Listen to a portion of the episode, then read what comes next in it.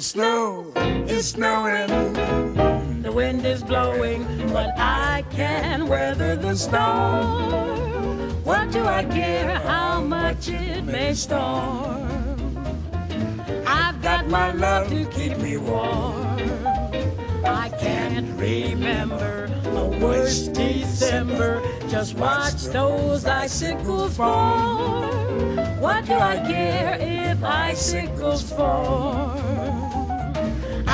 My love to keep me warm. Off with my overcoat, off with my gloves. I need no overcoat. I'm burning with love. My heart's on fire.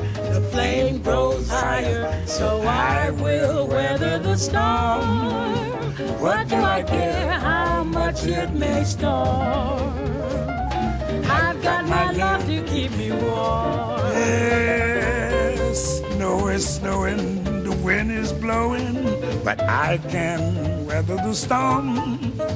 What do I care how much it may storm?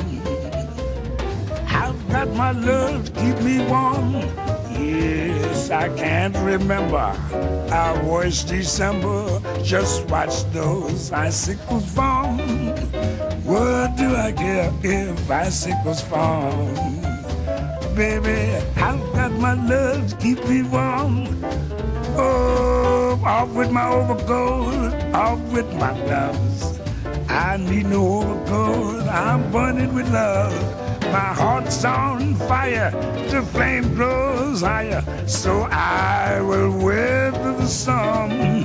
What do I care how much it may storm?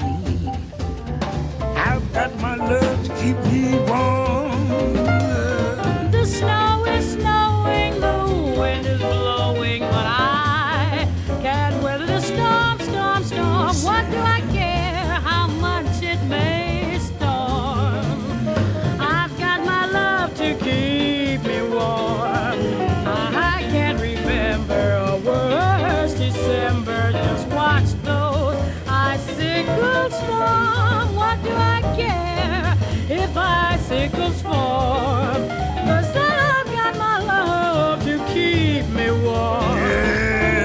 With my overcoat, off with my gloves. I need no overcoat. I'm burning with love. My heart's on fire, the flame goes higher, so I will weather the storm. What do I care how much it may storm?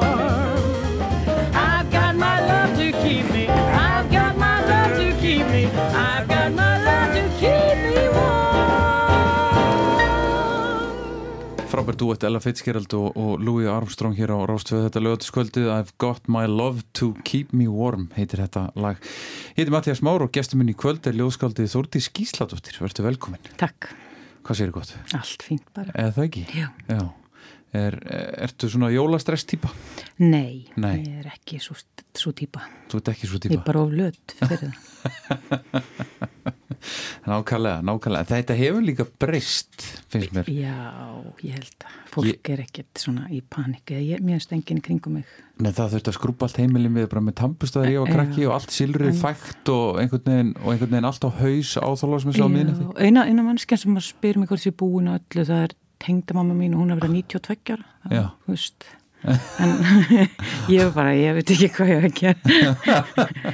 En svo, svo maður getur svarað þessu hins vegar alltaf með sömu spurningunni tilbaka búin að hverju? Mhm. Hverju á ég að vera búin að? Hvað á ég að vera búin að gera? Ó. Baka tíu sortir? ok, kaupa nokkru jólagjafir en það er aðlega ákveða hvað maður ætlar að kaupa. Það er nóga búðum, sko.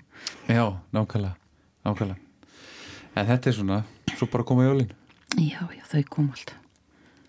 Herðu, þú vildi byrja á, á þessum duett Já, þetta er hérna, sko ég er alveg upp við e, útvarpið og það var náttúrulega bara gamla guðvann, það var, það var bara hlusta á hana og Rástvöð kom ekki fyrir en ég var unglingur.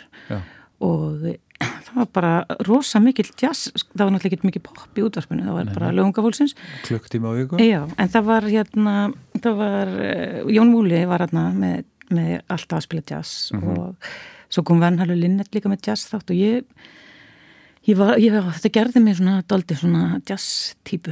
Já, hefur það fylltir Alveg, já. Já. ég hlusta oft á eitthvað svona, eitthvað gamlan jazz og líka, já, svolítið nýjan Já, ert það grúski nýjum? Já, svona, þú veist, ég er allavega, ég er svona fylgist með og fer stundum á tónleika og Múlin? svona, já, fer í múlan stundum Nákvæmlega. Herri, ég sendi þið 20 spurningar Já, og þú ert búin að svara. Mhm. Hvernig taklaður þetta? þetta var doldið svona áskorun sko ég hérna, já, þurfti að rifja upp svona hvaða tónleika skildi ég hafa farið fyrst á og svona, eða það er skemmtilegt. Já, þú myndið það. og já, já, ég held að ég allavega fyrstu svona sem ég man sér eftir að hafa verið á, ég kannski farið einhverja áður Já, já, við skulum ekki fara eðalegið en það var ekkit mikið af tónleikum í minna sko. En þú syns að þetta er úlíku þegar rástöð fyrir loftið, það lítur að hafa verið hérna, mikil breyting. það var rosaleg breyting og ég man sko, að maður fór alveg heim úr skólanum til að hlusta Já. á Rástfö Já. ég, ég hafði reyndar að ég bjóði hafna fyrir þá náðu við kananum Já, Þannig að hlustaði á sko, lögadöfum var hérna svona vinsaldalisti, amerískur og við hlustuðum á hann. já, Það var svona doldi við sem stundum að tjúna inn útvarpið en maður gæti náðu þessu. hafa þið réttu glugga. Já, Já. Það var, og það var svolítið svona status fannst sumum. Þetta var svona, ég held að hafi náð eitthvað svona um það byrj til hafnaferðar. Maður svona þurfti að vera kannski með útvarp út í. Einmitt. Hvað bjóst ég hafnaði? Ég bjó við klaustu vekkin, þannig að bara já, svolítið, þú veist, sem að var þá eiginlega jaðarinn, það var ekkert mikið. Mást að Sunnan. banka upp á hjá nununum og fá hálsmennum. Heldur betur. Þetta gerði ég líka sem betur. Já, já, ég var, hérna, kom oft í klaustrið, sko, Já, það eru, eru hérna, mjög vinnalegar. myndislegar. Algjörlega. Herru Þóttis, þú hérna er búin að hlusta á, á Ellu og Lúi þetta æðislega lag, þetta, er þetta jólalag? Ég, þetta er allavega einhverjum jóla, þetta er á einhverjum, sko, einhverjum svona jóladiski með þeim, sko. En hvað er jólalag? Já, einmitt, það er góð spurning. Ég var myndið að hugsa um það í gæra, mér finnst jólalög leiðilega en svo fór ég að hlusta þetta og svona, nei, nei, þetta er jólalögur náttúrulega ekkit, eh, já, nefn, ís, íslensku jólalögur náttúrulega einhver ítölsk Er mikið til. mikið til. En fyrsta lagi, svona, við förum í æskuna, fyrsta lagi sem mannst eftir að hafa hlusta og bara varðst að hlusta á aftur. Uh, já, ég, ég held að það hafi verið oblati oblata. Já, Eða, svona, mér er sagt það. þið er sagt það. Já, já, já, ég, ég- hérna, ég held, já, ég, ég söng það með einhverjum svona bullteksta. Já, já, það er mjög auðvöld að syngja þetta með bullteksta. Uh -huh. Þetta er mjög gott og ég man eftir að, já, mér var sagt einhvern tímann, ég hef verið sko út að róla og syngja oblati oblata. hlustum á bílana.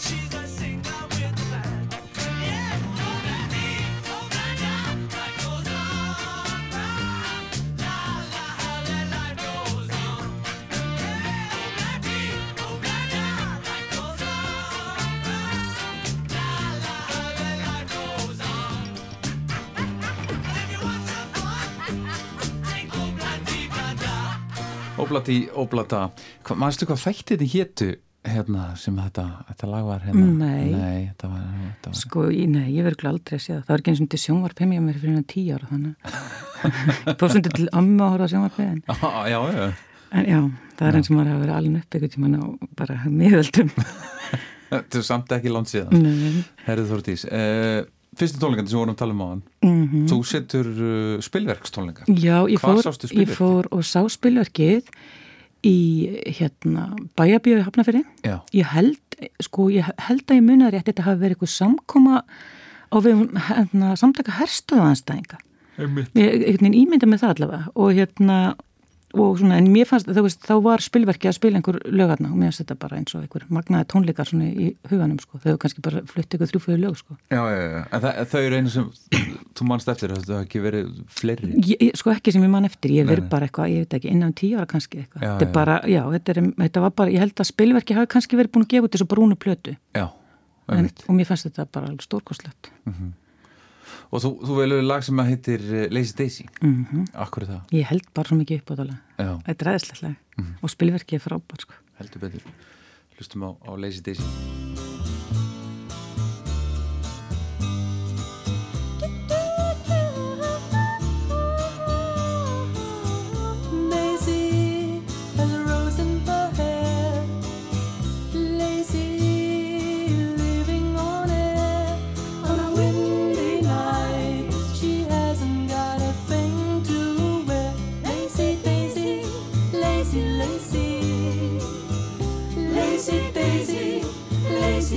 lazy.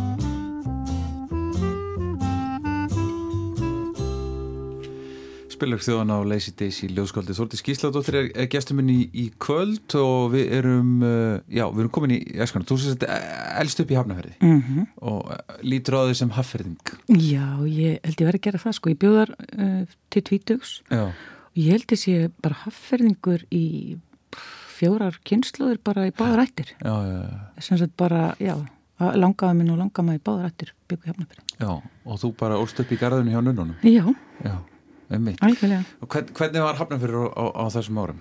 Hann var eh, náttúrulega miklu minnan enn núna Mm en mér fannst hann alveg stór.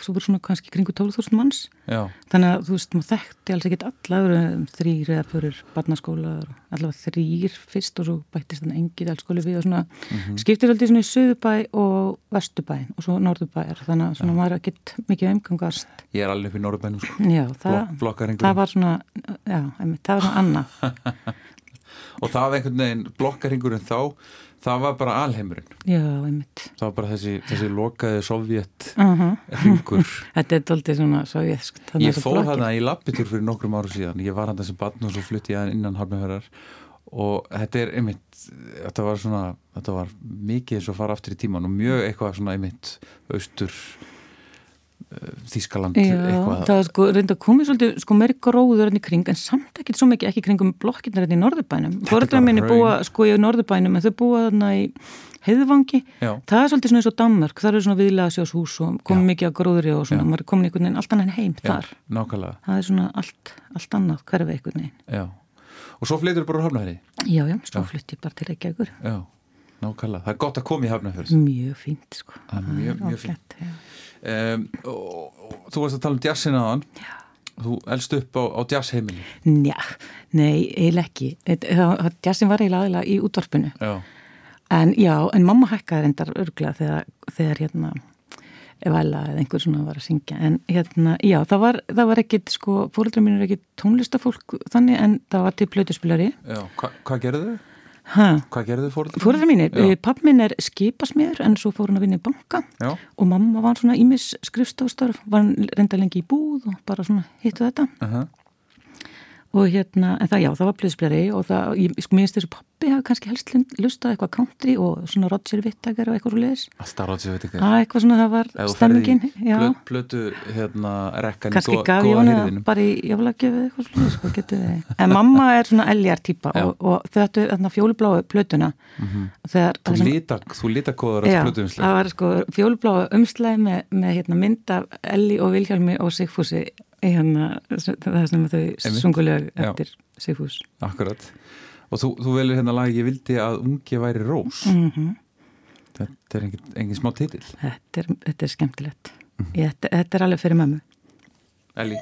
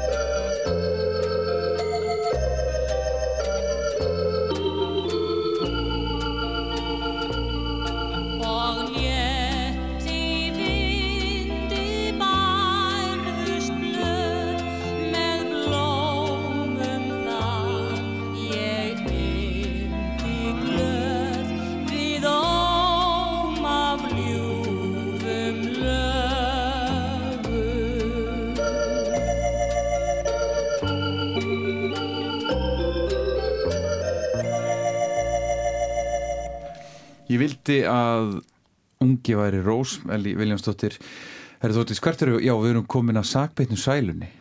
Lægið sem að það er gaman af í æsku Já, ég trú ekki á sagbeikna sælum mér Nei.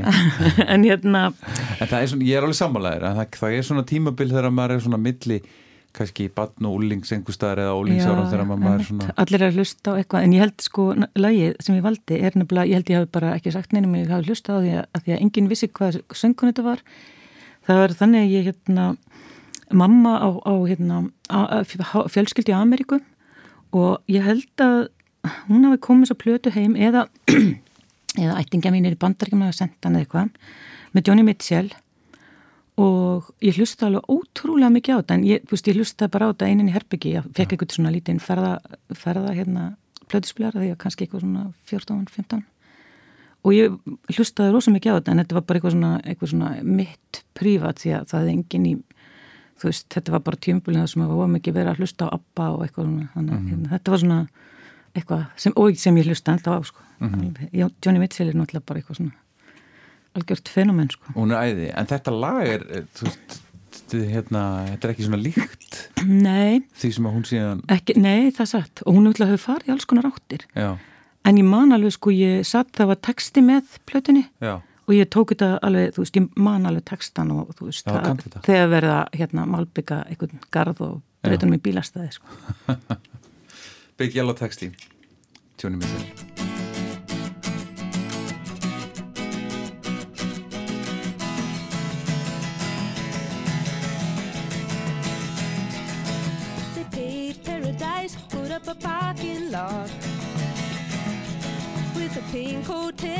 a boutique, and a swinging hot spot.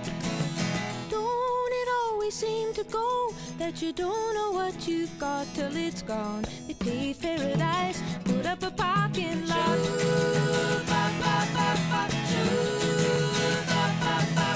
They took all the trees, put them in a tree museum. And they charged the people a dollar and a half just to see 'em. Always seem to go that you don't know what you've got till it's gone? They paved paradise, put up a parking lot.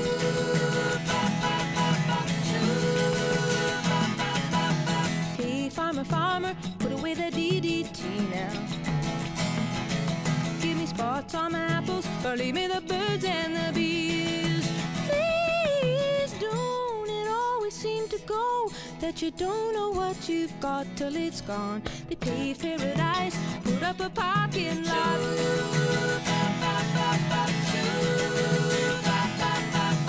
Late last night, I heard the screen door slam.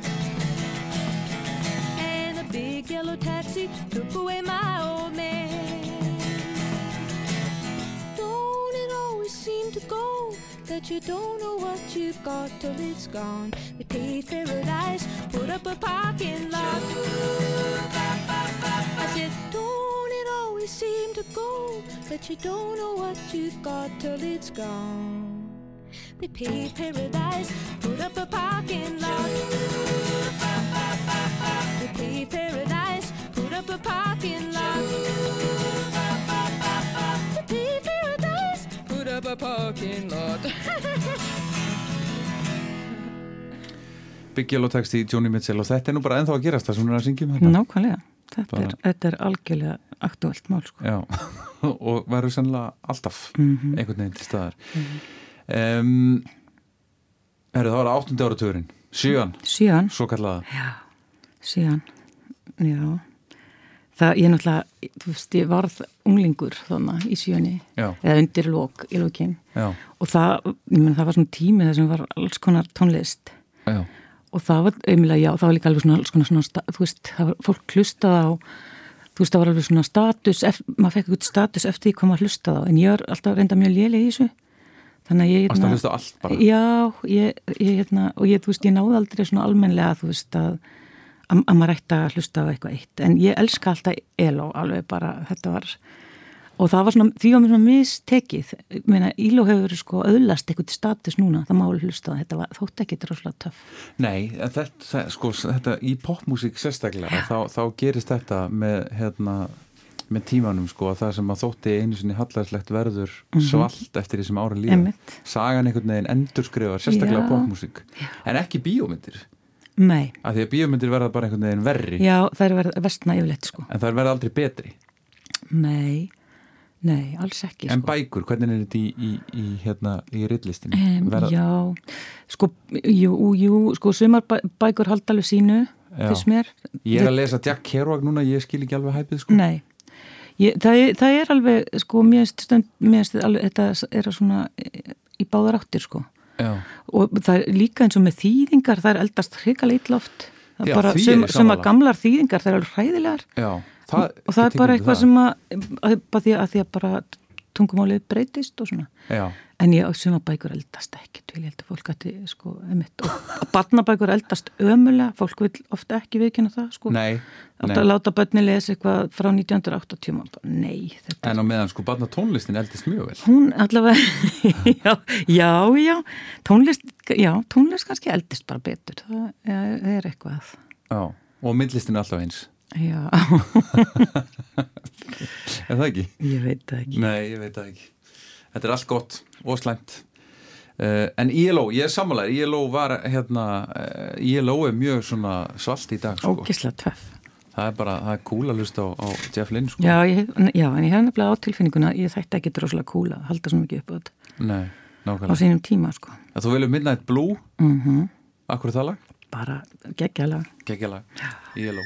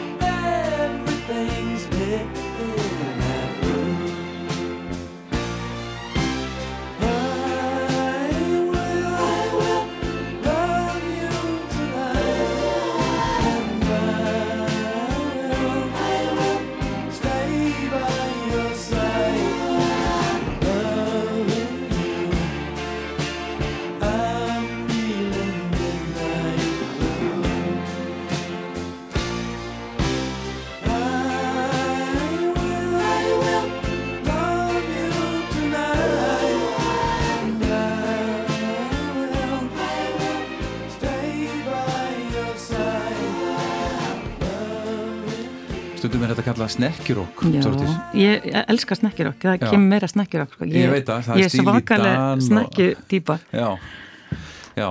Serðu þið fyrir þér sem svona á rivjerinni bara Svona, á, á snekki? já, n- já Með það- væri skemmtilegt sko, já, ég var til að prófa það sko. Já, ég, nei, ég meni, ég, þú veist, ég, ég veit ekki ég- þetta er eitthvað með líka hérna ég sko áttu vinkunur sem áttu eldri bræður já, og hafa, já. þeir voru kannski sex árum eldri en við einhvern veginn svona, og áttu ykkur á plötu sem við vorum alltaf að hlusta rík og þeir voru okkur fannst minn, þeir hafa kannski verið eitthvað tvítur eitthvað Já. og hérna þá, þú veist, þeir hafa verið eitthvað svona þeir, þau, og þú veist, þetta er svona papparokk þeir eru þannig að við kannski hefum eitthvað smitast af þessu sko. Já. svona.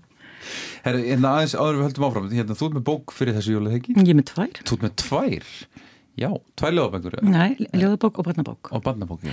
og, og byrjum á barnabókinni. Já, hún heitir Randalín Mundi og Lendamálið Einu sinni enn? Randalín Mundi og Lendamálið Já, mjög gott. Og er fjórðabókin um krakka sem heitir Randalín og Mundi. Já, og hérna, já, þetta er bara svona saga um krakka í Reykjavík Mhm. sem, sem hérna leysa ráðgóttu og stofna rappljómsveit já. Hvernig, hérna hvernig skrifa maður barnabók? Hvernig, á, hva, hvað er að fyrsta fyrsta, eins og með þessa bók, hvað er að Mm. fyrsta sem kom? personunar, personunar koma fyrst og svo hérna, svo bara kemur sagan í, maður í svona að hugsa kannski, já, við erum byrjað svona að hugsa einhvern veginn hvað ætla alltaf að gera, gerast kannski hvaða árstíð er og hvað er að gera og svona og svo uh, býið til hugsa svona aðeins um hvað bæ- bókin er að vera og svona og svo byrjaði að skrifa og þá kannski breytist þetta eitthvað sem ég hafði hugsað með sem stórt atrið verður að endanum að smáatrið og eitthvað annað blæs upp svona, það er Já. það er svona svolítið þannig. Ég kannski halla mér aftur ef ég er í flugvél í tvora tíma og hugsa, um, hugsa upp sögu. Já, já, og svo svona Og það er ekki punta eitthvað hjá þér eða mannst þetta allt saman? ég punkta stundum eitthvað svona hjá mér en jú, ég ger það, en ekki, ekki kannski strax. Ég einhvern veginn hefur að trú ef, ef ég gleymi hlutum þá séu kannski bara ekki alveg þess virði að, að skrifa á eitthvað já, sko. ég svona, já, ég, en, það, það er alveg, já, persónuna koma, koma allavega fyrst. Emitt, nákvæmlega. Og svo er ljóðabókin? já, svo er að ljóðabókin mislega gatnamót Mm sem er fymta ljóðabókin mín. Já, gott nafn. Já, já.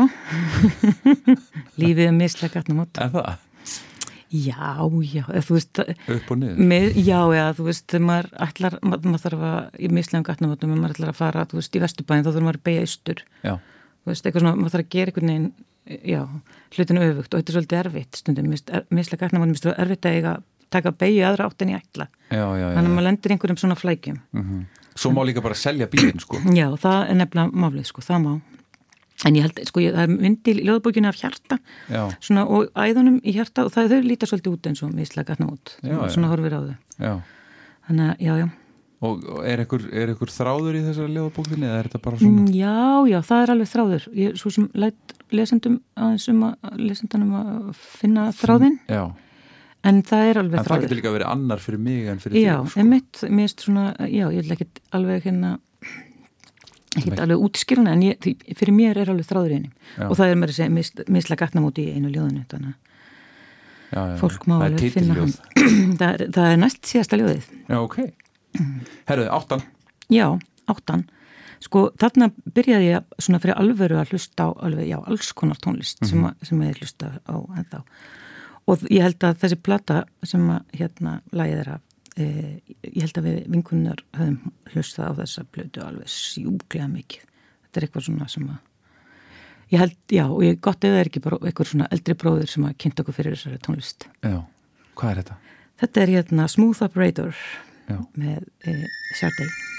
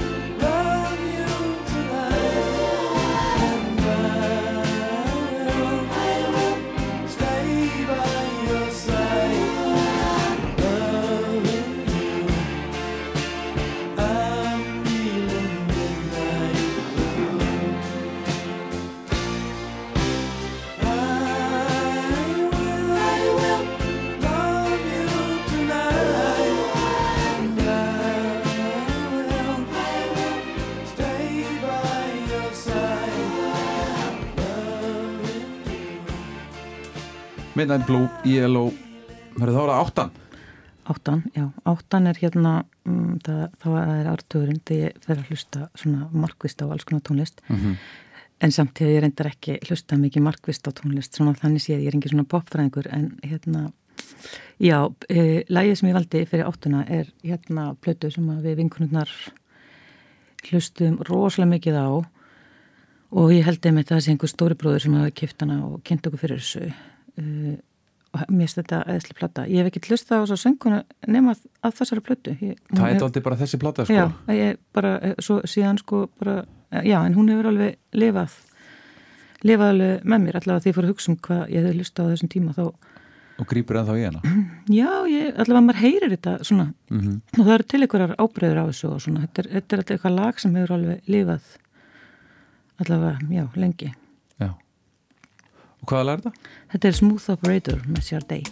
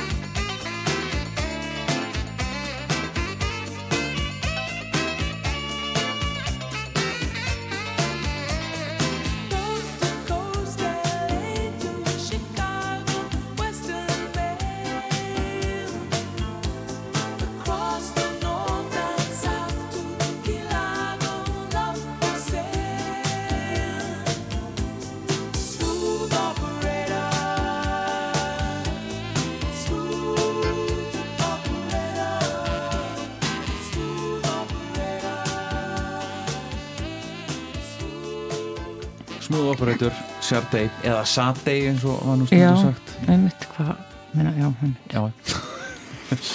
Herri við- já það er tían. Nei, nían, Nýjan, já, tíundi Já, áratugurinn. Ný, nýjan er Svíþjóð því að þá bjó ég í Svíþjóð Já, Já. hvernig fórstu til Svíþjóðar? Eh, 94, ég bjó í byrjun nýjunar bjó ég í Bandaríkjunum Já, hvað varstu í 90, bandaríkjum? 91, ég var Long Island Nú, nú, nú Já, já, rosalega mikil Amerika það var allir með svona ljóna hárgrislur blásnar og allir og maður var út að keira það var rosa mikið svona já, svona amerísk lög og Eagles bara eitthvað á stöð Já, hvað varstu að gera á Long Island? eh, ég var, eh, maður með var í námi og ég var bara í fæðingarálafi þannig að við vorum hann í eitt og hálft ár Mhm. og svo ákvaðum við þetta var og flókið að vera á Long Island með tvö lítil börn Mhm. þannig að við fluttum okkur til Svíþjóðar sem var rosalega góð hugmynd Já, þar var mjög gott að vera með tvö lítil börn. Já, nákvæmlega. Eh, og, hva, og hvert fluttuði? Eh, við fluttum til Uppsala. Uppsala, já. Og vorum þar í sex ár. Já, já, þannig að sænskan helst. Mm, jú. Já, jú, já, nákvæmlega Já, Svíþjóð er, er, er frábært land og akkur komið þið heim? Hver, hver flyttur heim til Íslands frá Svíþjóð? Góð spurning, sko. Ha? Jú, jú, ma, það, það, þú veist, það, já, það er nú svona, það er bara svona, hver, hvert skeið, það er svona, hver tími er bara góður eins og hann er, svo bara þarf maður alltaf að breyta eitthvað. Um. Það er bara einhvern veginn þannig. Ég heyrið einhvern tímann lýsingu á, á, á, á hennu típiska hennu típiska svíja ég ætla að reyna að fara með þetta rétt hérna uh, svíin hérna nei, byrju, danin gerir allt þá til að veita hann má það ekki? Og svíin gerir ekki neitt fyrir hann að veita hann má það mm. það var einhvern veginn Já, ég veit ekki sko. Ég undarfæri verið svolítið svona í Danmörku og mér veist Danir alltaf svo eitthvað svo reyðir eða eitthvað svona. Ég, ég hef alltaf á tilfinningunni sem ég ger eitthvað vittlust þar Að Þú já, eða þeir? ég, einhvern veginn á búðakossunum er alltaf eitthvað grimmilega á maður er eitthvað ræði ekki Mér finnst ég alltaf bara fyrir í damur Já, mér finnst ég eitthvað svolítið Já, ég, og ég hef á tilfinningunni Svíjarendar, þeir eru svolítið passífir Já, það er svolítið svona það er svolítið svona, þeir vilja ekki já, þú veist, tróðamannum tæðir og þeir grípa aldrei fram í og eitthvað svona sem er, þú veist, er náttúrulega kurtesi en það er rosalega eitthvað svona stundum fannst mér sem er alveg svona mætt aðeins segja hvað það meina Já, já. var, var, það er svona og, og hvað gerði þið í Svíþjóð hérna í, í sex ár? Voruð þið bara að vinna? ég var, við vorum í námi Já, já, já, bæ- bæði og, og líka vinna svolítið með. Og hvað var maðurinn að læra svona? Maður minn er, hann er hérna uh, stopn erðafræðingur og er, er prófessor í líffræði uh, núna og ég hérna var að læra svona daldi klassisk svona norræn fræði og, Já, og skrifaði loka rittgerðum tvítingi. já. Áhugavert. Mhm. Og, og að hverju komstu í, í því? Ég svo sem komst, um, jú ég komst nú alveg að einstu sko, þetta var nú svona frekar almennt en ég, svona partur af þessu var hérna, já að, að fólk svona margir tvítingdir og þetta var náttúrulega rannsók sem ég gerði svona rétt fyrir 2000 Já, og var að skoða til dæmis Íslendinga sem að, eiga, voru sýtinda fjölskyldur og fólk var sko ekki meðvitað um hvað þetta er gott og hvað þetta er mikill kostur og sko sérstaklega Íslendingar að maður með, að veist, fólk held alveg að eða fannst að maður ætti ekki að blanda saman tungumólum og eitthvað svona sem er náttúrulega bara það sem maður á að gera sko. það er bara, það er skapandi og fólk gerir sér heldur ekki grein fyrir því að að meiri parturinn af fólk í heiminum talar jafnum, höndum alveg mörg tungumál. Ég menna í mörgum löndum, bara eins og á Indlandi þá er fólk með svona fjög og fimm tungumál. Það er eitt tungumál í vinnunni og einhver mállíska heima hjá þeir og eitt tungumáli er viðskipta tungumál og eitthvað svona og fólk bara, þetta, þetta virkar. Og svo er enska alltaf kannski, þú veist það sem er svona í einhverjum opinbjörn samskiptum. Mhm. Og það bara, þetta svín virkar. já, já, meilandi Európu.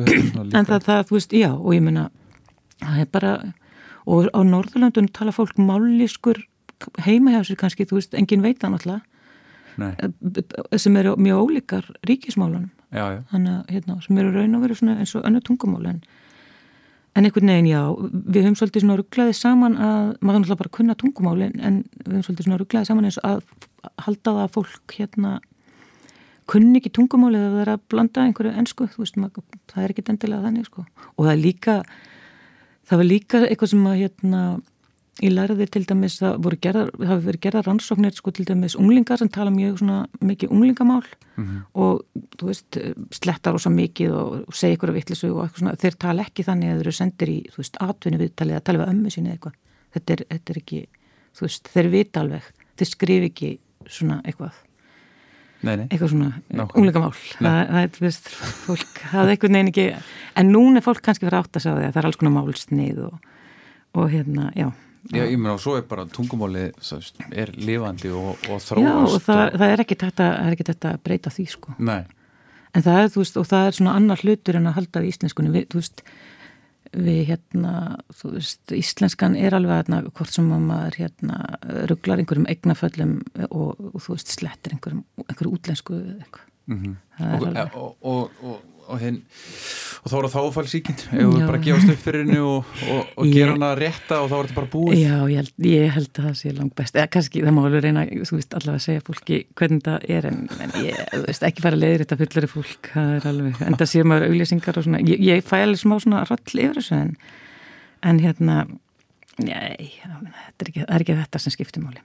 Nei, nákvæmlega, það er nefnilega það er, það er horrið hjá þér, það er ekki þetta sem skiptir máli. Það er aðra hlutir en við erum með sænska popperlu. Mm heldur betur, Þessi hljómsveit var rosa vinsæl, bara um allan heim. Heldur betur. Og hérna, ég bara kynntist henni í Svíþjóð, hún kannski, já, verið svona uh, komin, já, og var rosa vinsæl. Og hérna, ég, þar, ég hafði ekki hlustað á þetta í, í mörg ár, bara því ég fór að hérna, rifja upp hvað ég hef verið að hlusta á þarna. Ég, þarna í Svíþjóð byrjaði ég að hlusta svolítið á svona sænska tónlist, aðra en ég hafði náttúrulega hlustað á ABBA og eitthvað svolítið.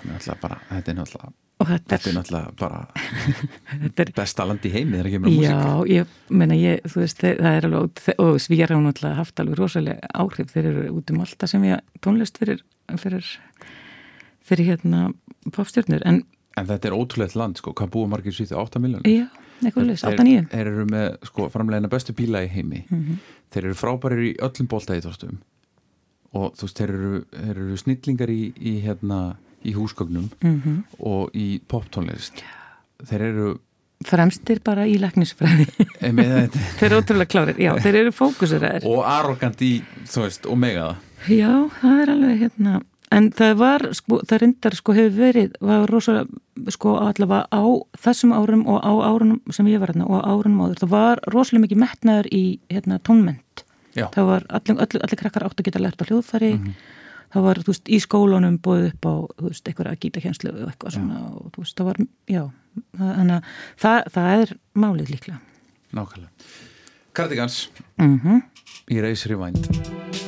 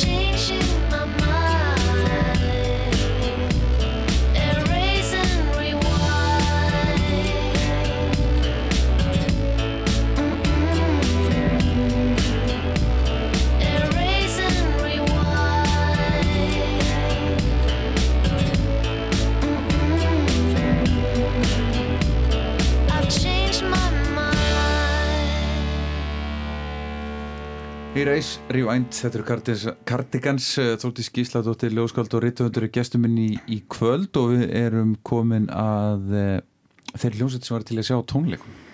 Já, ég, er- ég hérna, já eins og ég segi þá er ég ekki drosalega popfræðingur og hérna og hef aldrei eld einhverja hljómsveitir á tónleika og svona en e, En notar er músík? já, já já, já en hérna, já, já, en, en sem sagt, þa- þessi hljómsveit hún, hérna, ég leiði einu svona íbúð, við vorum fjögur, þetta var svona eins og í frend, svo leiðum íbúð á lefskötu ég og, og, og hérna, vingur mín og tveir strákar. Og einhvern tímann held annar strákurinn partí og uh, ég var ekkert í þessu partí en morgunin eftir þá fann ég hérna, fann ég einhverja kassettu í stofunni sem einhver hafi komið með í partíð og hérna og á henni var þetta lag og fleiri með hljómsveitinni Prefab Sprout Allt, allt prífað sprát lög á þessari kassetu? já, þetta var bara einhver te tekið upp, þú Já. veist hérna einhverja, einhverja tvær plötur með Prefab Sprout á einhverja hliðin á einhverju kassetti og hún, ég bara stakk henni í vassan og hlusta á Prefab. Sprout í, hérna já, alveg eh, bara mjög lengi eftir þetta og áalveg til að hérna hlusta á Prefab Sprout Mm Frábær hljómsveit. æðislega hljómsveit en ég minni, já eins og ég segi, ég, þú veist, ég hef aldrei lagt mig eftir því að þú veist, kynna mér, ég minni, ég veit ekkit a- allt um þessa menn eða þú veist, ég, ok, ég veit að prefab sprát þýðir ekki neitt Nei. en hérna, þú veist, já, ég veist að það verður nú gaman að prefab sprát væri nextur, ég geti farið og séð það og bara, þú veist, horta á þessa, a- þessa típur Og rétt en kassetun og sagt en bara, Já. spilaði bara þessi lög. Sp taktu þetta bara Nancy, Valdiru, let your hair down for me.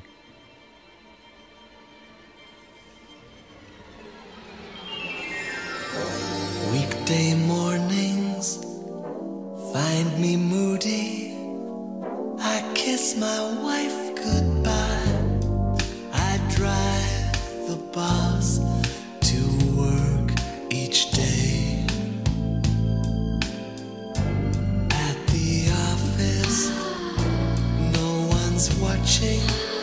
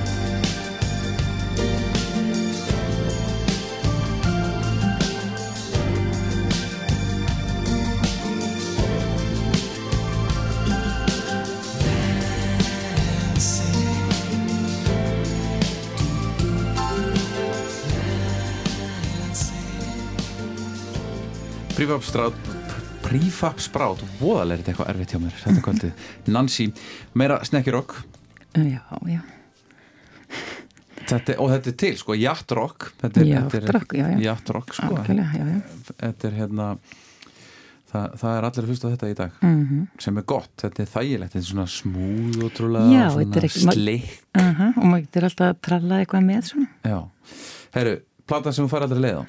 Já, það er hérna, ég, það er eina bubbaplatan sem ég hef Já. og eiginlega eina bubbaplatan sem ég hef hlustað á. já, Á, ég bara, þú veist, ég, ok, þú veist, þekki svo smálega og þú veit það kjar, við varum fullkonum aldrei fyrir að Já, hafa verið sko forfallin bubba ég var alveg sko bubbaðadándi þegar, Ísbjarnablús var og, og, og svo bara einhvern veginn svo komu hann reyndar geislavirkir og allt það hérna utangar sem en ég var ekki svo spennt fyrir þeim. Nei, og einhvern veginn svo bara dugði mér alveg, þú veist, það, ok, bub, það er náttúrulega svolítið mikið af bubba alltaf, þú veist, það er alltaf heyri eitt, eitt og eitt lag í útvarpinu og þú veist, einhverja vinkunum mínar spiluði hann stundum eitthvað svona, þannig að ég, þú veist, það bara Ísbjarnablús og hann er bara þannig, já. Frábæð plata. Æðislega plata. Er, Ertu búin að lesa ljóðabækjandunars? Nei, Nei, ég skal bara viðkynna, jú, kannski þessa fyrstu, já, já, ekki, ekki, ekki sem, sem kom núna. Nei. Varstu hrifin? uh, Nei. Mér veist, bubbi á bara að semja svona texta á, á hérna. Og syngja. Og syngja, já, En Ísbjarnablús er frábæð plata. Æðislega flata, alveg rosa skemmtilega, ég lusta á sko, en já, þetta er, þetta er stendur alveg fyrir sínu sko, já, og þetta er eitthvað svo ferst Þú velur hérna að lagi Hver þungt er yfir bænum? Akkur, akkur það lag? Æ, mist, bara, þetta er, þetta er skemmtilegt þetta er svona næslega á lögutaskvöldi Bubi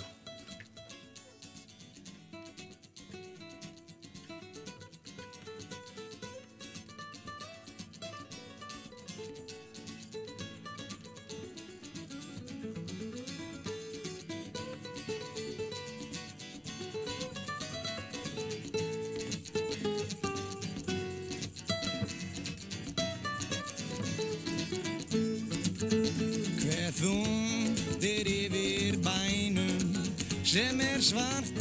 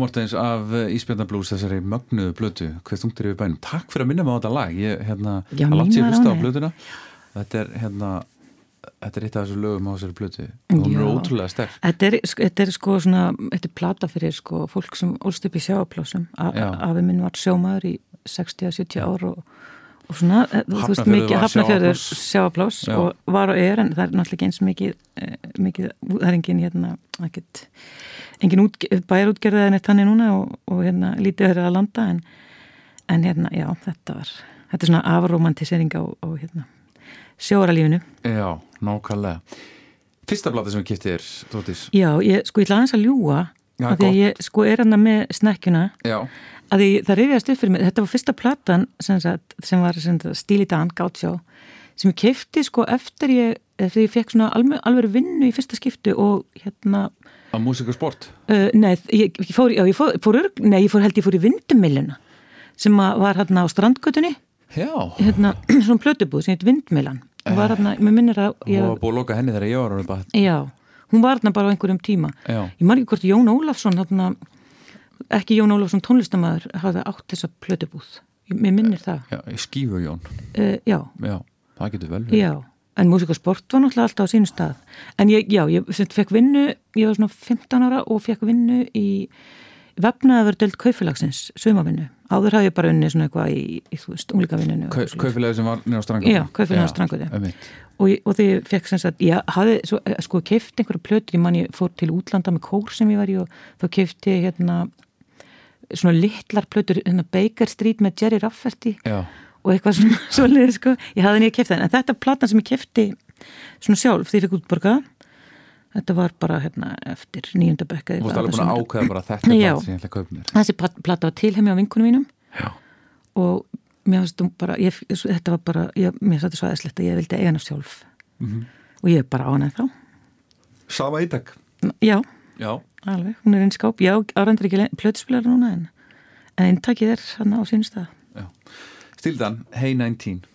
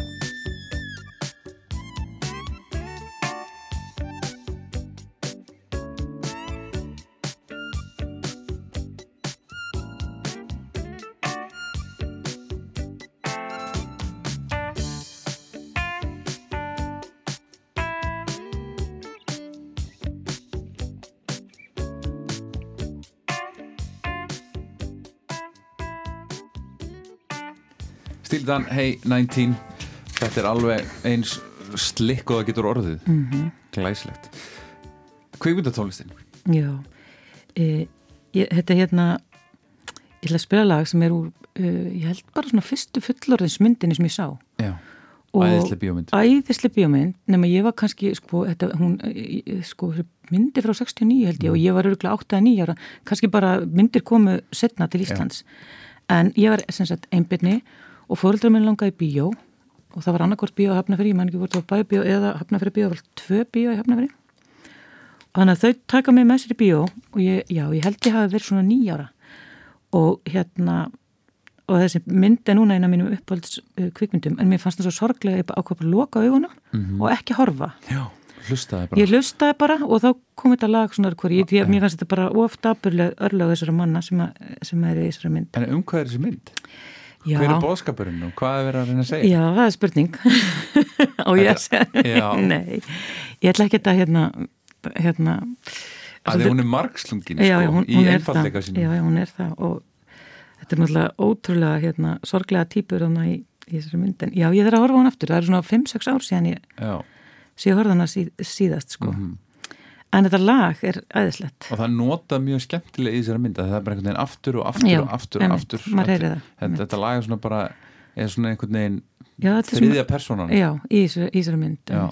Bob Dylan átt að semja þetta lag? Nú, ok. Ekki veist, já, lagið, og hann náði ekki að hérna, skila af sér á- réttum tíma Ok, þannig að þannig að- hann var haft sambandið Harry Nilsson. Ok. Og hann átti þetta lag Já, ég meina, Dylan hefur klúrað þess, hann hefur komið með eitthvað svona nöldurlag eins og þú veist, eitthvað svona, er þetta, þú veist, þetta er allt sem ekki nöldur í honum, sko, þú veist, eitthvað, eitthvað, já, þetta er miklu betra, sko. Heyr, heyr.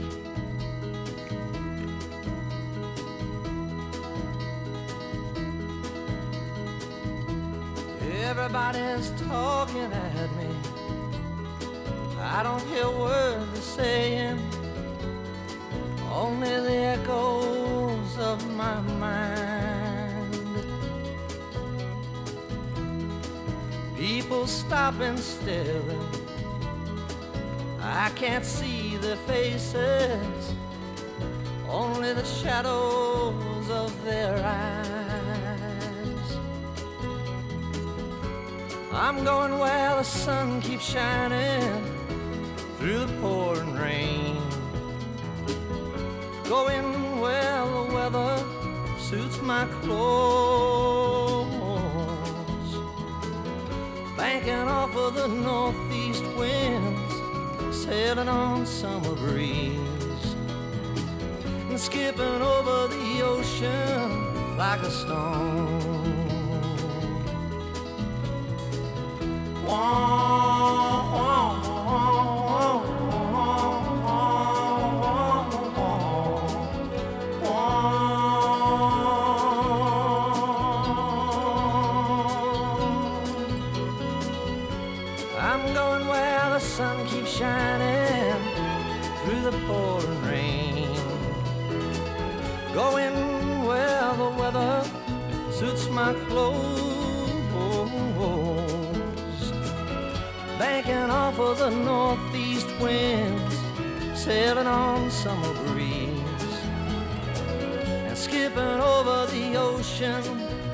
A stone.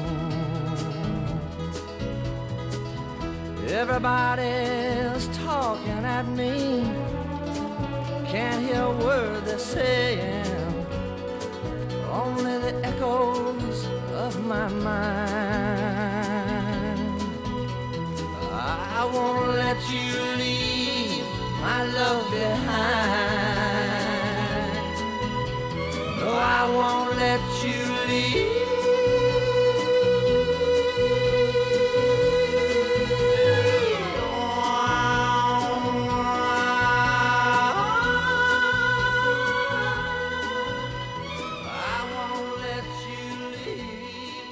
Harry Nilsson og Everybody's Talking við vorum að sjálfsögða að tala um kvikmyndir að Midnight Cowboy áðan, Þortís Mhm. og þá, þá frábæra mynd Æðislega mynd. Þetta er bara, er þetta ekki ágætt mynd til að horfa á yfir, yfir jólin? Eða kannski of- Jú, ég mæli með að fólk bara finni Midnight Cowboy og horfi á, hérna, þessa, þessa, þessar típur. áttu ykkur svona jólamyndir sem á svona horfur á? Mm, ég, ég horf kannski á Fanny og Alexander svona berg, svona Bergmann Já, já, já, kvöld Nákvæmlega.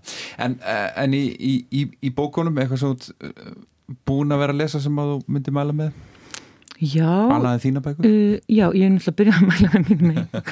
Uh, já, ég mæli með, hérna, ég mæli með bókinar Bergþóru, Svinshöfði, Mhm. eftir Bergþóru Snæbjörnsdóttur, mér stóna aðeinsleg. Uh, svo hérna mæli ég með bók eftir Sæðan Kjartansdóttur sem heitir Óstyrláta mamma mín og ég, ég er búin að lesa hana, mér stóna skemmtileg. Svo mæli ég með bók sem ég þýtti, uh, Minningum múin pappa eftir Tói Jansson sem Já. var að koma í svona stórbók með þremur uh, bókum um múmináluna og þessi er fremst og hún hefur aldrei verið þýtt áður. Er þetta um höfundin eða um Nei, múminálunum múmin pappa, þetta eru bara sem sagt endurminningar. Múmin pappa? pappa, já. Sko, ég, ég er nefnilega, sko, ég er barn þegar að vera að sína múminálunum Mhm. og svo var ég að horfa á þetta sem sagt, kannski útskýrir akkur þessi 90s kynslu er eins og hann er.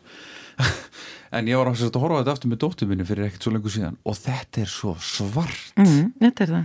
þetta er, ég ski, og ég var lindur yfir þessu. Já, já, það er alveg verið að fremja fjöldamorð og maurum þarna og það er alls konar, veist, þetta, þetta er, og það er lífshættur og, og svona, og þetta þetta er alveg, og, veist, og þetta er mjög og ég, ég sá þetta ekki sem bat sko, en ég held að þetta hafi mótað mjög marga alveg heila kynslu sko. en mjög finnst. En uh, frábært frábært stöf. Og nú að gera einhverja stóra bíómyndi það ekki? mm, jú, það er eitthvað lýs í gangi. Já, Já, já, það er, þetta er orðið rosalegt, sko, ég meina fyrstu múminálubækunar seldust kannski 300 eintökum, sko, en, en svo bara svona vatið upp á sig. Herðu kann, uh, ég, ég, ég tók sensin á að þú hefur einhvern tímann lært á, á hljóðfæri Mm Já, ég byrjaði, sko ég reyndar, hérna, var í kór frá, alveg frá því að ég var svona bara 7 ára. Öldutúns? Og- Já, Öldutúns, Nei, og hérna, í tíu ár. Og, Og er- ferðaðist um allan heim, fótt í Kína og Nú? já, já, mörgum sinnum til Norðurlandana, fótt í Kanada og söngunum sinni í Garði Kvítahúsins. Ha? Já, já, já, uh, og var alltaf að syngja. Þú ert bara popstjarna? Já, við skulum segja það. Nei, og svo lærði ég smá á piano, kannski bara eitt ár því ég var eitthvað svona 8-9 ára eða eitthvað sluðis. En það var, fyrst alveg var náttúrulega ekki piano til heima hjá mér, þannig að það var ekki auðvitað að æfa sig og svo bara að því ég var alltaf í kór þrísar í viku, þá fannst mér einhvern veginn kannski á lögatum langaði mig ekki að fara og, í pianotíma. nei, nei, nei, nei. Þannig að, en það var alveg allt gaman samt að læra aðeins á piano. Já. Ég reynda að læra pínlítið á piano líka með sína mínum fyrir 20 og eitthvað árum þegar við vorum í Svíþjóð, þá fór ég í tíma með honum.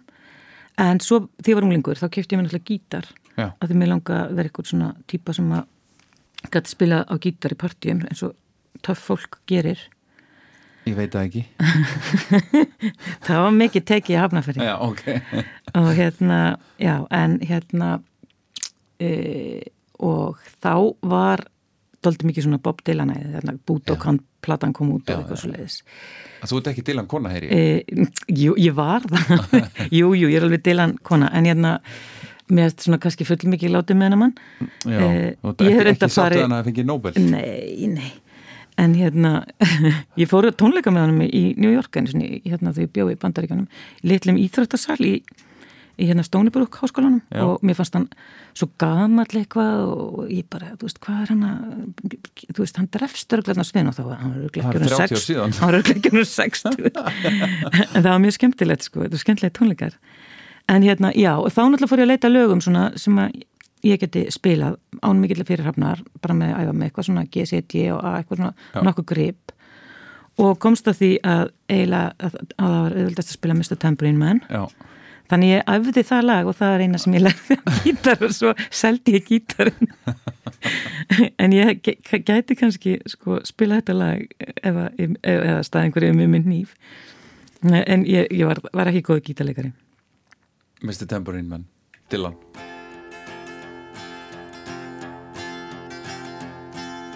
Hey, Mr. Tambourine Man, play a song for me. I'm not sleepy, and there's no place I'm going to.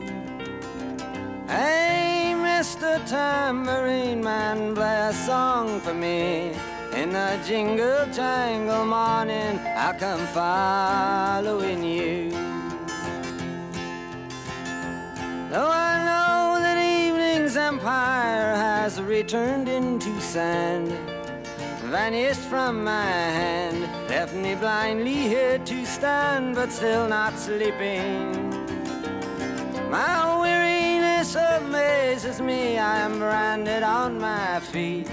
I have no one to meet, and the ancient empty streets too dead for dreaming. Hey, Mr. Tambourine Man, play a song for me. I'm not sleepy, and there is no place I'm going to. Hey, Mr. Tambourine Man, play a song for me. In the jingle jangle morning, I'll come following you. Take me on a trip upon your magic swirling ship. My senses have been stripped. My hands can't feel to grip. My toes too numb to step. Wait only for my boot heels to be wandering. I'm ready to go anywhere. I'm ready for to fade into my own parade. Cast your dance and spill my way. I promise to go under it.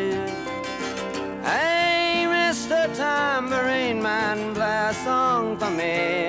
I'm not sleepy, and there is no place I'm going to.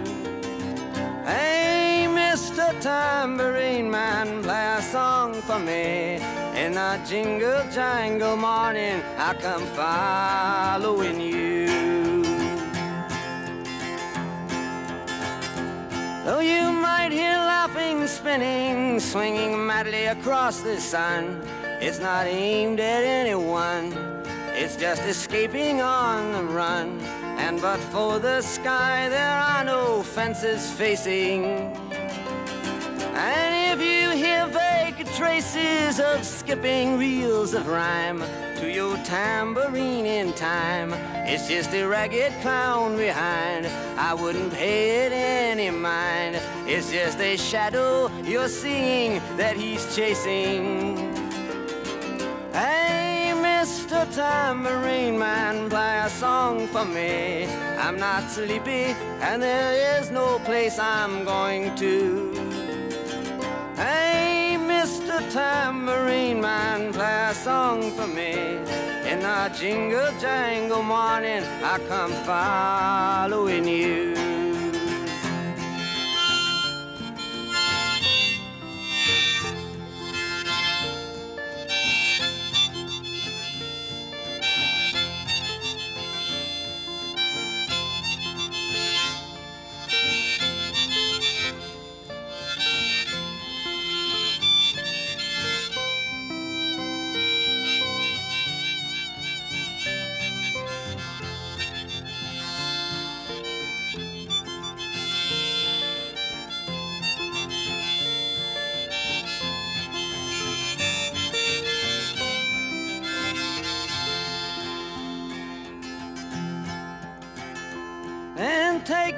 Disappearing through the smoke rings of my mind, down the foggy ruins of time, far past the frozen leaves, the haunted, frightened trees, out to the windy beach, far from the twisted reach of crazy sorrow.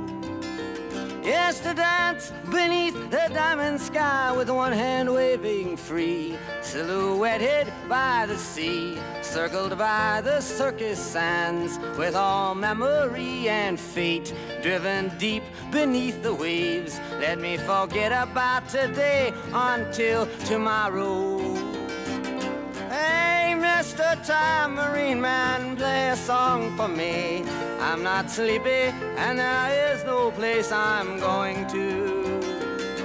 Hey, Mr. Tambourine Man, play a song for me. In the jingle jangle morning, I come following you.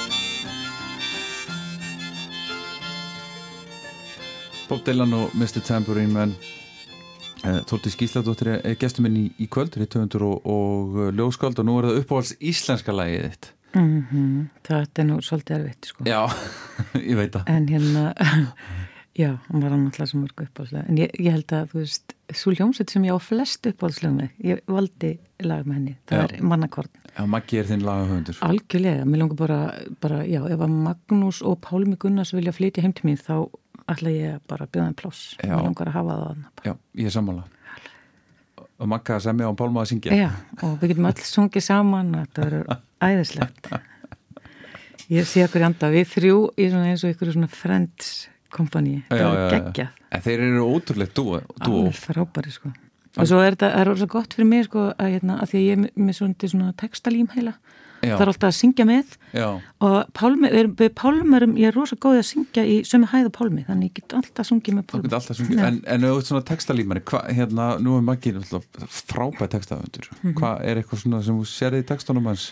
Já, það er náttúrulega alltaf einhvern veginn þessi breski maður og þessi þetta, blús og þú veist, það er alltaf einhver þinga og svona. Já, en samt alltaf, það er alltaf smá ljós. En það er alltaf ljós, já, Það það, er bara, það er alveg þannig, sko. Hann Og svo er eitthvað svona, það er eitthvað svona, er eitthvað svona debur, en það er líka alltaf eitthvað svona gleði og þú veist, já, gamli góði vinur og svo eitthvað svona. Já, já, já. Er, Ying og Yang já, en, já, en svo er náttúrulega líka eitthvað svona, já, þetta, er- eitthvað svona, þetta er svo mannlegt. Já, á trúur hún Já, ég, þú veist, ég, hérna, það er með, með listina, maður þarf að kaupa, hérna, kaupa lína, þegar, þú veist, ég gerði það alveg með, með mannakvöld. Já, maður þarf að kaupa lín, það er mjög góður. Þetta, er- þetta er góð setning. Gamli góði vinur valdur Mannakon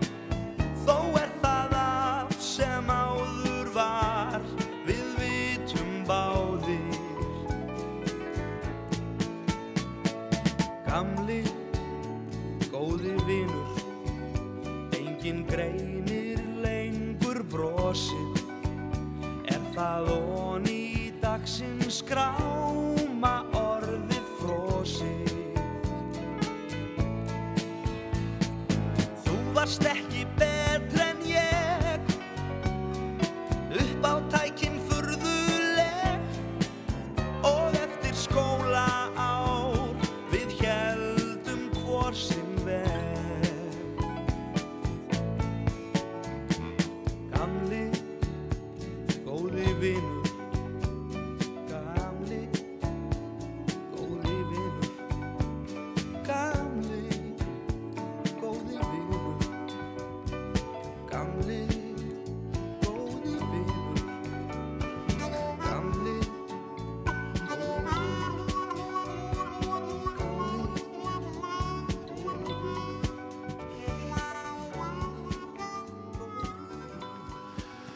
stórkostlegur og stórkostlegur hljómsveit náttúrulega.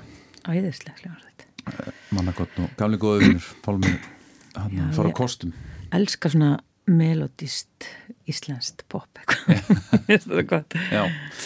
íslenskara verður ekki en samt uh, þess, mikið af þessari músík er svo amerist þetta er mjög amerist Já, í, jú, jú. í hérna svona hljóði. Herru Karokið já. Sko ég er rosa lítið kargu típa síðast þegar ég var sem kargi þá var það hérna, tók ég Alone Again Naturally. Mjög daburt og hérna já, þegar ég fæ næsti kargi þá er ég búin að drekka hann svo mikið og svona. Já, og verður smá svona væmin og, og hérna þá vil ég örgulega taka þetta lag eh, sem Rúna Júliusson syngur. Já. Það þarf fólk eins og þig. Tekur þetta þetta eins er svo Pálmi. sannleikur í þessum texta. Já, að við gerum ekki þetta einn nei, það var líka mikil sannleikur í, í Rúna. Rúna Júliusson Það þarf fólk eins og þig fyrir fólk eins og mig frá bláa lónsböðum að myrstu sjávarstrand frá vel þekktum stöðum út í ókannuð land. Þarf fólk eins og þig fyrir fólk eins og mig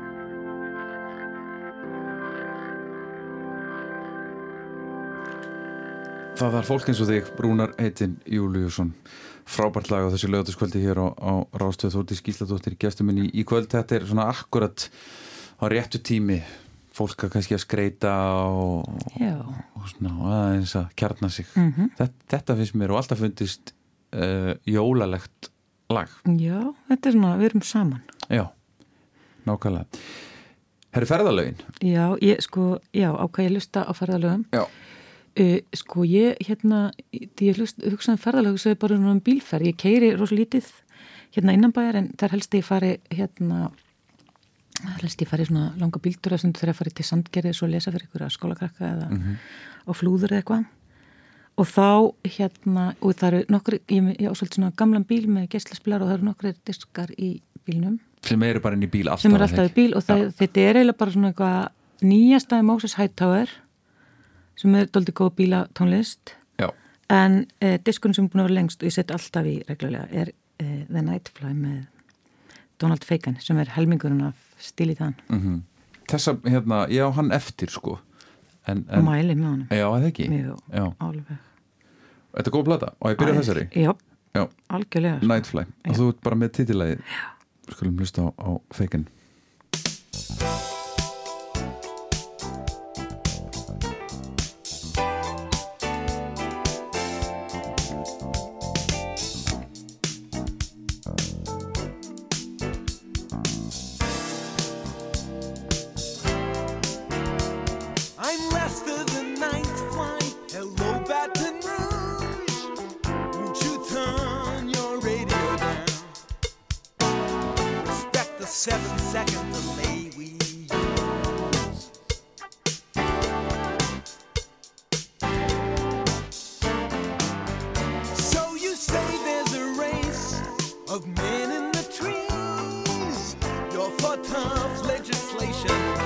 Thanks for calling.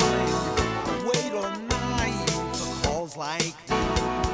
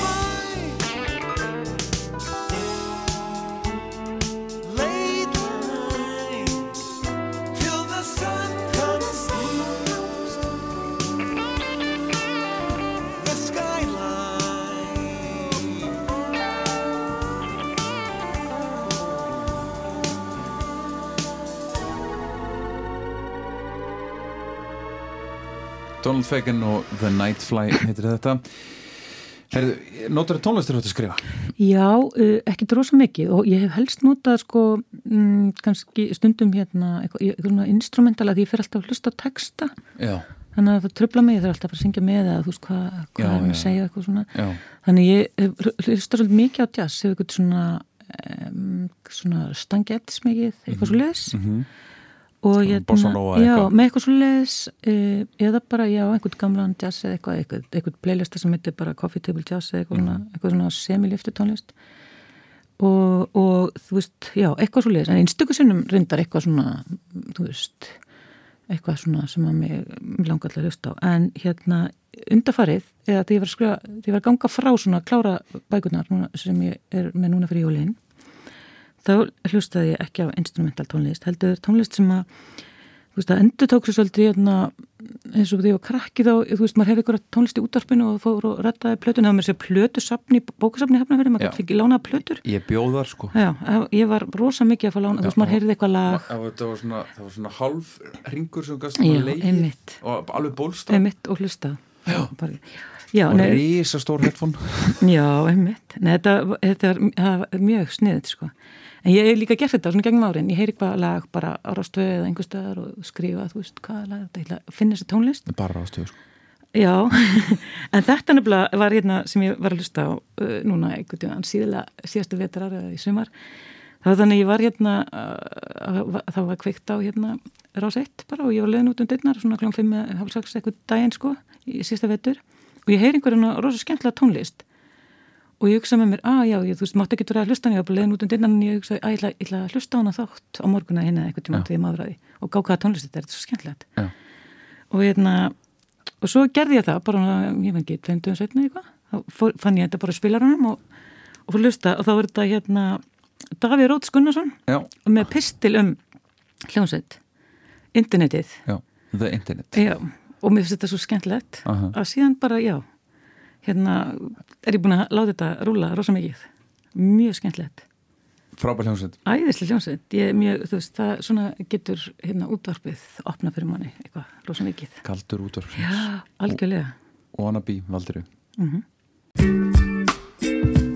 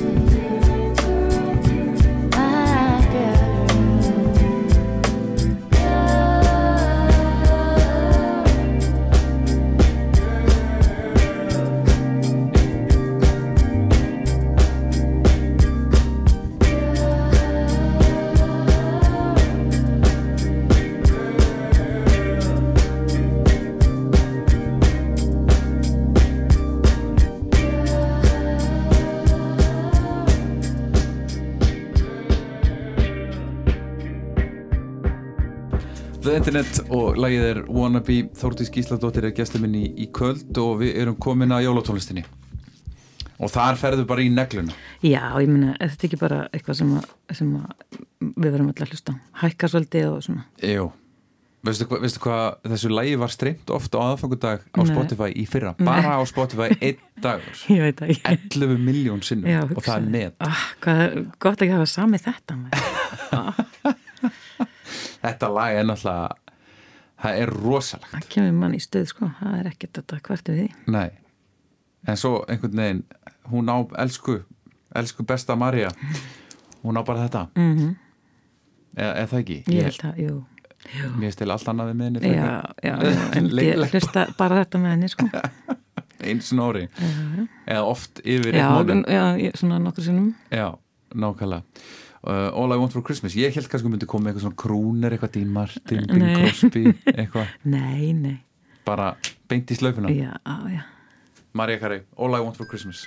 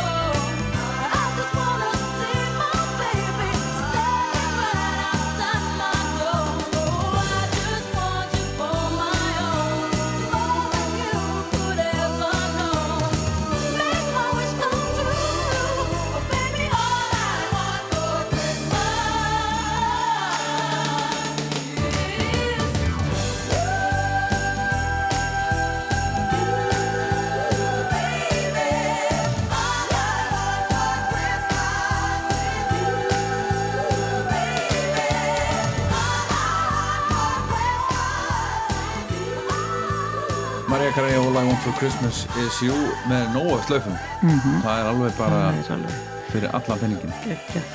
Herri Þúrdís, hvað er það að hlusta á núna? Hvað er, Já, að hlusta ég, þessum hérna, Spotify var einmitt að senda okkur hérna hvað, hvað við höfum hlustað á Já, og þá uh, kom ljós að ég er búin að vera að hlusta rosalega mikið á Lönnu Del Rey. Nýju, nýju hérna. Nýju plötununar já Sam fucking Rockwell. Norman fucking, Norman fucking Rockwell, já. já. mjög næs. Já, frábæð plata. Alveg, aðeinslega Þú valdið The Greatest, er þetta eitthvað Mér finnst það vera skemmtilegt, ég Já. var svona, þú veist, já, hvað, eitthvað, ég hef líka einmitt aðeins lusta hana svona meðan ég hef verið að vinna. Já, Mér finnst þetta er mjög næs. Góð músík. Lana Del Rey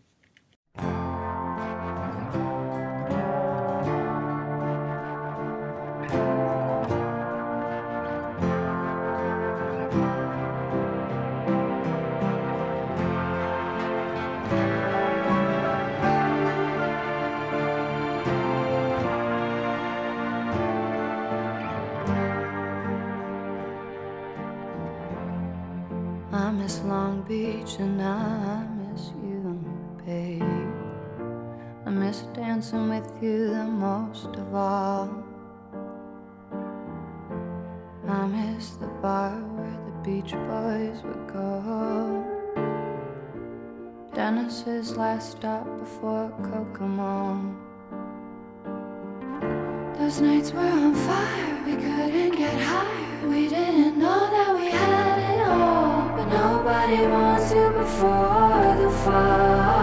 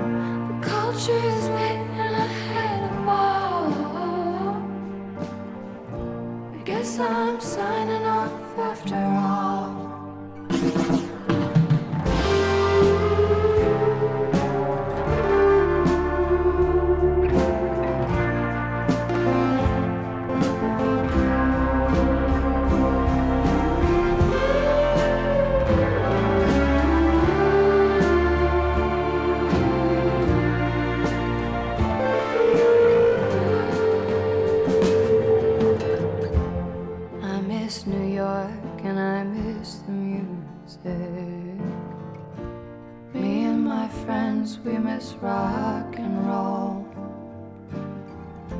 I want shit to feel just like it used to. When baby I was doing nothing the most of all. The culture is lit, and if this is it, I had a ball. I guess that I'm burned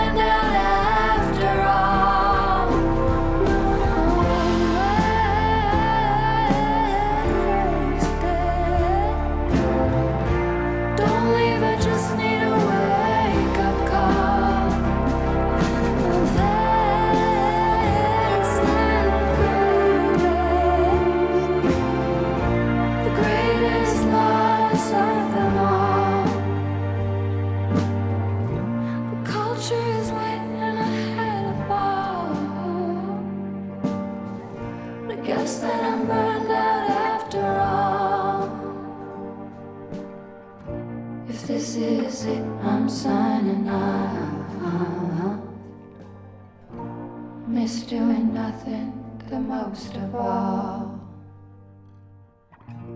Oh, I just missed a fireball. LA's in flames, it's getting hot. Kanye West is blonde and gone. Life on Mars ain't just a song.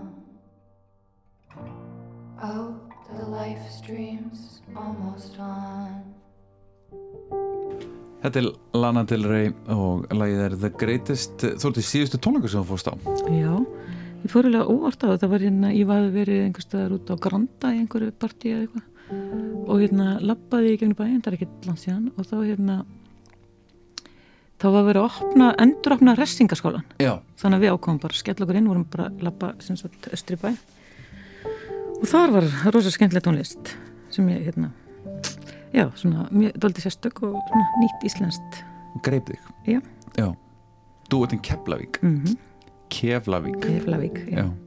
merkilega hljómsveit. Mm Já, ég var ekki alveg þú veist, mér, varst- ég var ekki alveg svona viss með þetta. Þú veist, þetta autotune er eitthvað svona doldið skrítið. Já, en mér, já, svo bara svona þið, já, einhvern veginn, sættist ég við þetta mér finnst þetta skemmtilegt og ertu múin að hlusta á það síðan? Já, svona eitthvað, þú veist, Já. ekkit, ekkit, ekkit á repeat neitt Nei. mikið, sko, en svona, já, alveg öðru hverju, sko Mhm. svona, Þeim er, þeim er hampað fyrir, fyrir hérna, eh, gott valda á, á tungumálunum Mhm, já. og, og góða texta það er, ég, mitt, já, þetta er, er skemmtilegt. Og þú velur lagi inn í miðjunni að dansa? Já, það var bara eitthvað svona, e, það er eitthvað rest svona, ég, já, já, það, e, þetta er ekkit, sko, ég vissi ekki alveg hvað ég átt að velja, en, en hérna, ég var hann að dansa. Við þetta, Á, já, já. í miðjunni? Já. eða kannski svona út við vegg? Staðar, einhvers allavega. staðar. Keflavík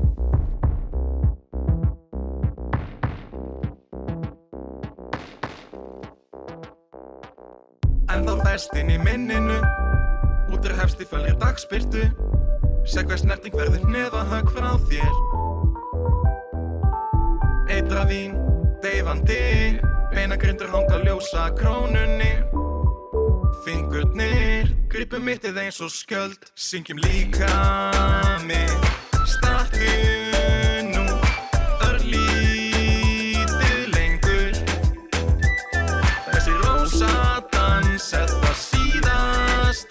sem þú gerir þó þú sér þreytur Svífa þúsund augna blikana eins og geislabaugar á hana ef þau renna milli handana okkar. Bjónrotnir, helskotnir ég sé fljóðlust lýsa björt í kringum þig. Púkarnir fljúa hásbreytt yfir mig og við föðmumst og vöggum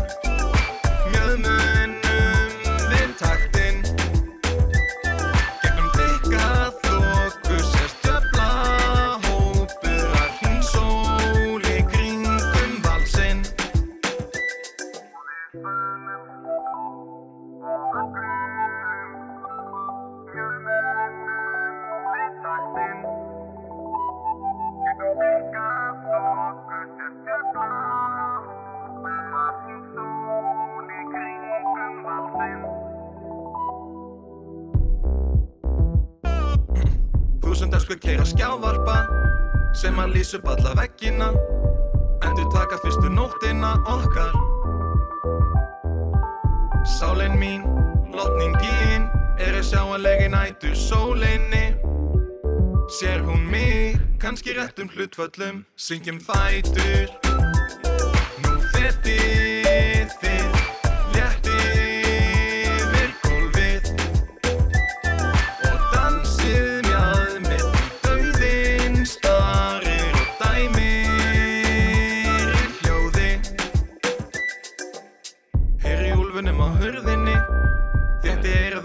brjóstið þitt Til að fókusa á hjarsláttinn í því. Skarkreppir, vangirnir Ég byrð þyrni kvistum hvíta hálsinn þinn. Fæturnir, stana mesta morgnir til Og ég finn er ég sleppi þér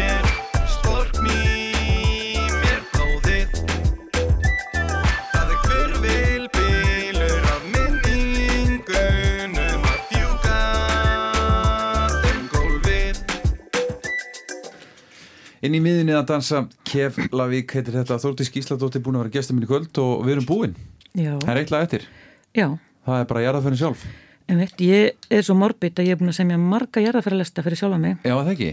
Já, mm byrjaði 15 ára. Já, þá var fyrsta lagi var hérna In My Life með bíklanum já. uh, en hérna, já Og, hva, og hvað fleiri lög hafa komið og farið? uh, býtu nú við. Einhvern tímann ætlaði ég að hafa þarna bara eitthvað svona hérna, tíu hana taxi eða eitthvað svona hrest. Já, já, já, eitthvað svona, þú veist, það átti að vera svona hreststemming eins og bara eitthvað skíðakenslu þáttur ykkur. Já Svo er þetta að hafa Don't Let Me Down. Já, já, þetta hafa eitthvað svona en, en hérna, já en ég finna að hugsa um þetta sko er náttúrulega kannski best að bara skipla ekki það að fá það fólk ekki að hafa að gera þessu. Já, þetta er allavega, þetta hérna er skjálfest á safni Ríkisútasins, þetta lag. Nákvæmlega. og þú fer bara í, í Håkan Hellström. Já, já, hann er reyndar, þú veist, þetta, þetta lag er eftir, ég held að hann heiti Mats Pálsson sem er bara einhver svona, einhver svona raulari. Já, það var ekki tekið það, Alexander Rybak eh, hérna, verið með svona krútlega, krútt útgáfuna með Mhm. fiðlunni af þessu já, við viljum það ekki Eh, Nei, nema að sé til ég að koma og spila í erðaförin en hérna, mér finnst þetta aldrei skemmtilegt með Håkan Hellström Já, Þe, þetta er náttúrulega hann, er, hann bubbi í Svíþjóða? Ég veit, nei ég, ég, mér finnst það nú eiginlega ekki sko. Nei, það væri frekar En- eitthvað svona Ulf Lundell eða einhver svona eldri típa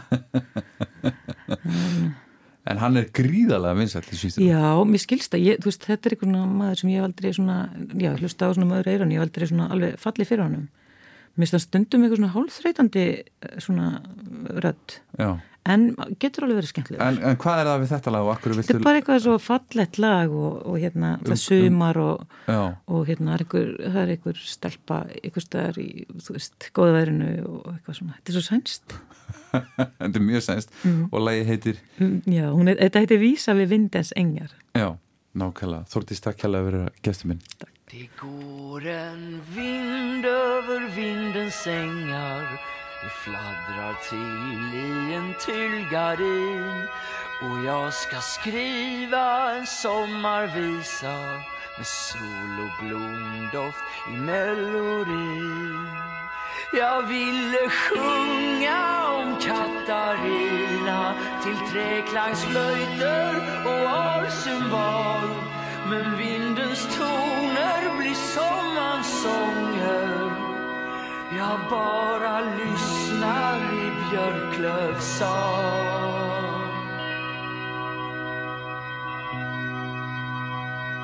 Det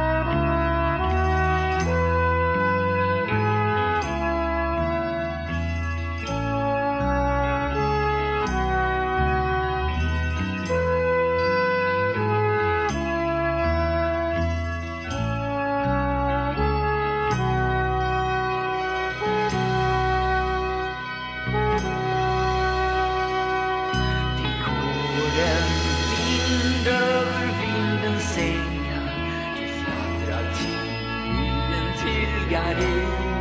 Och jag ska skriva en sommarvisa Med sol och blomdoft i melodin Det går en flicka i Aspelunden. Jag har ett gulnat fotografi. Med åren blev hon en drömmens saga. En ensam vandrare sympati. Jag ville skriva Den vi sa, der ögonblick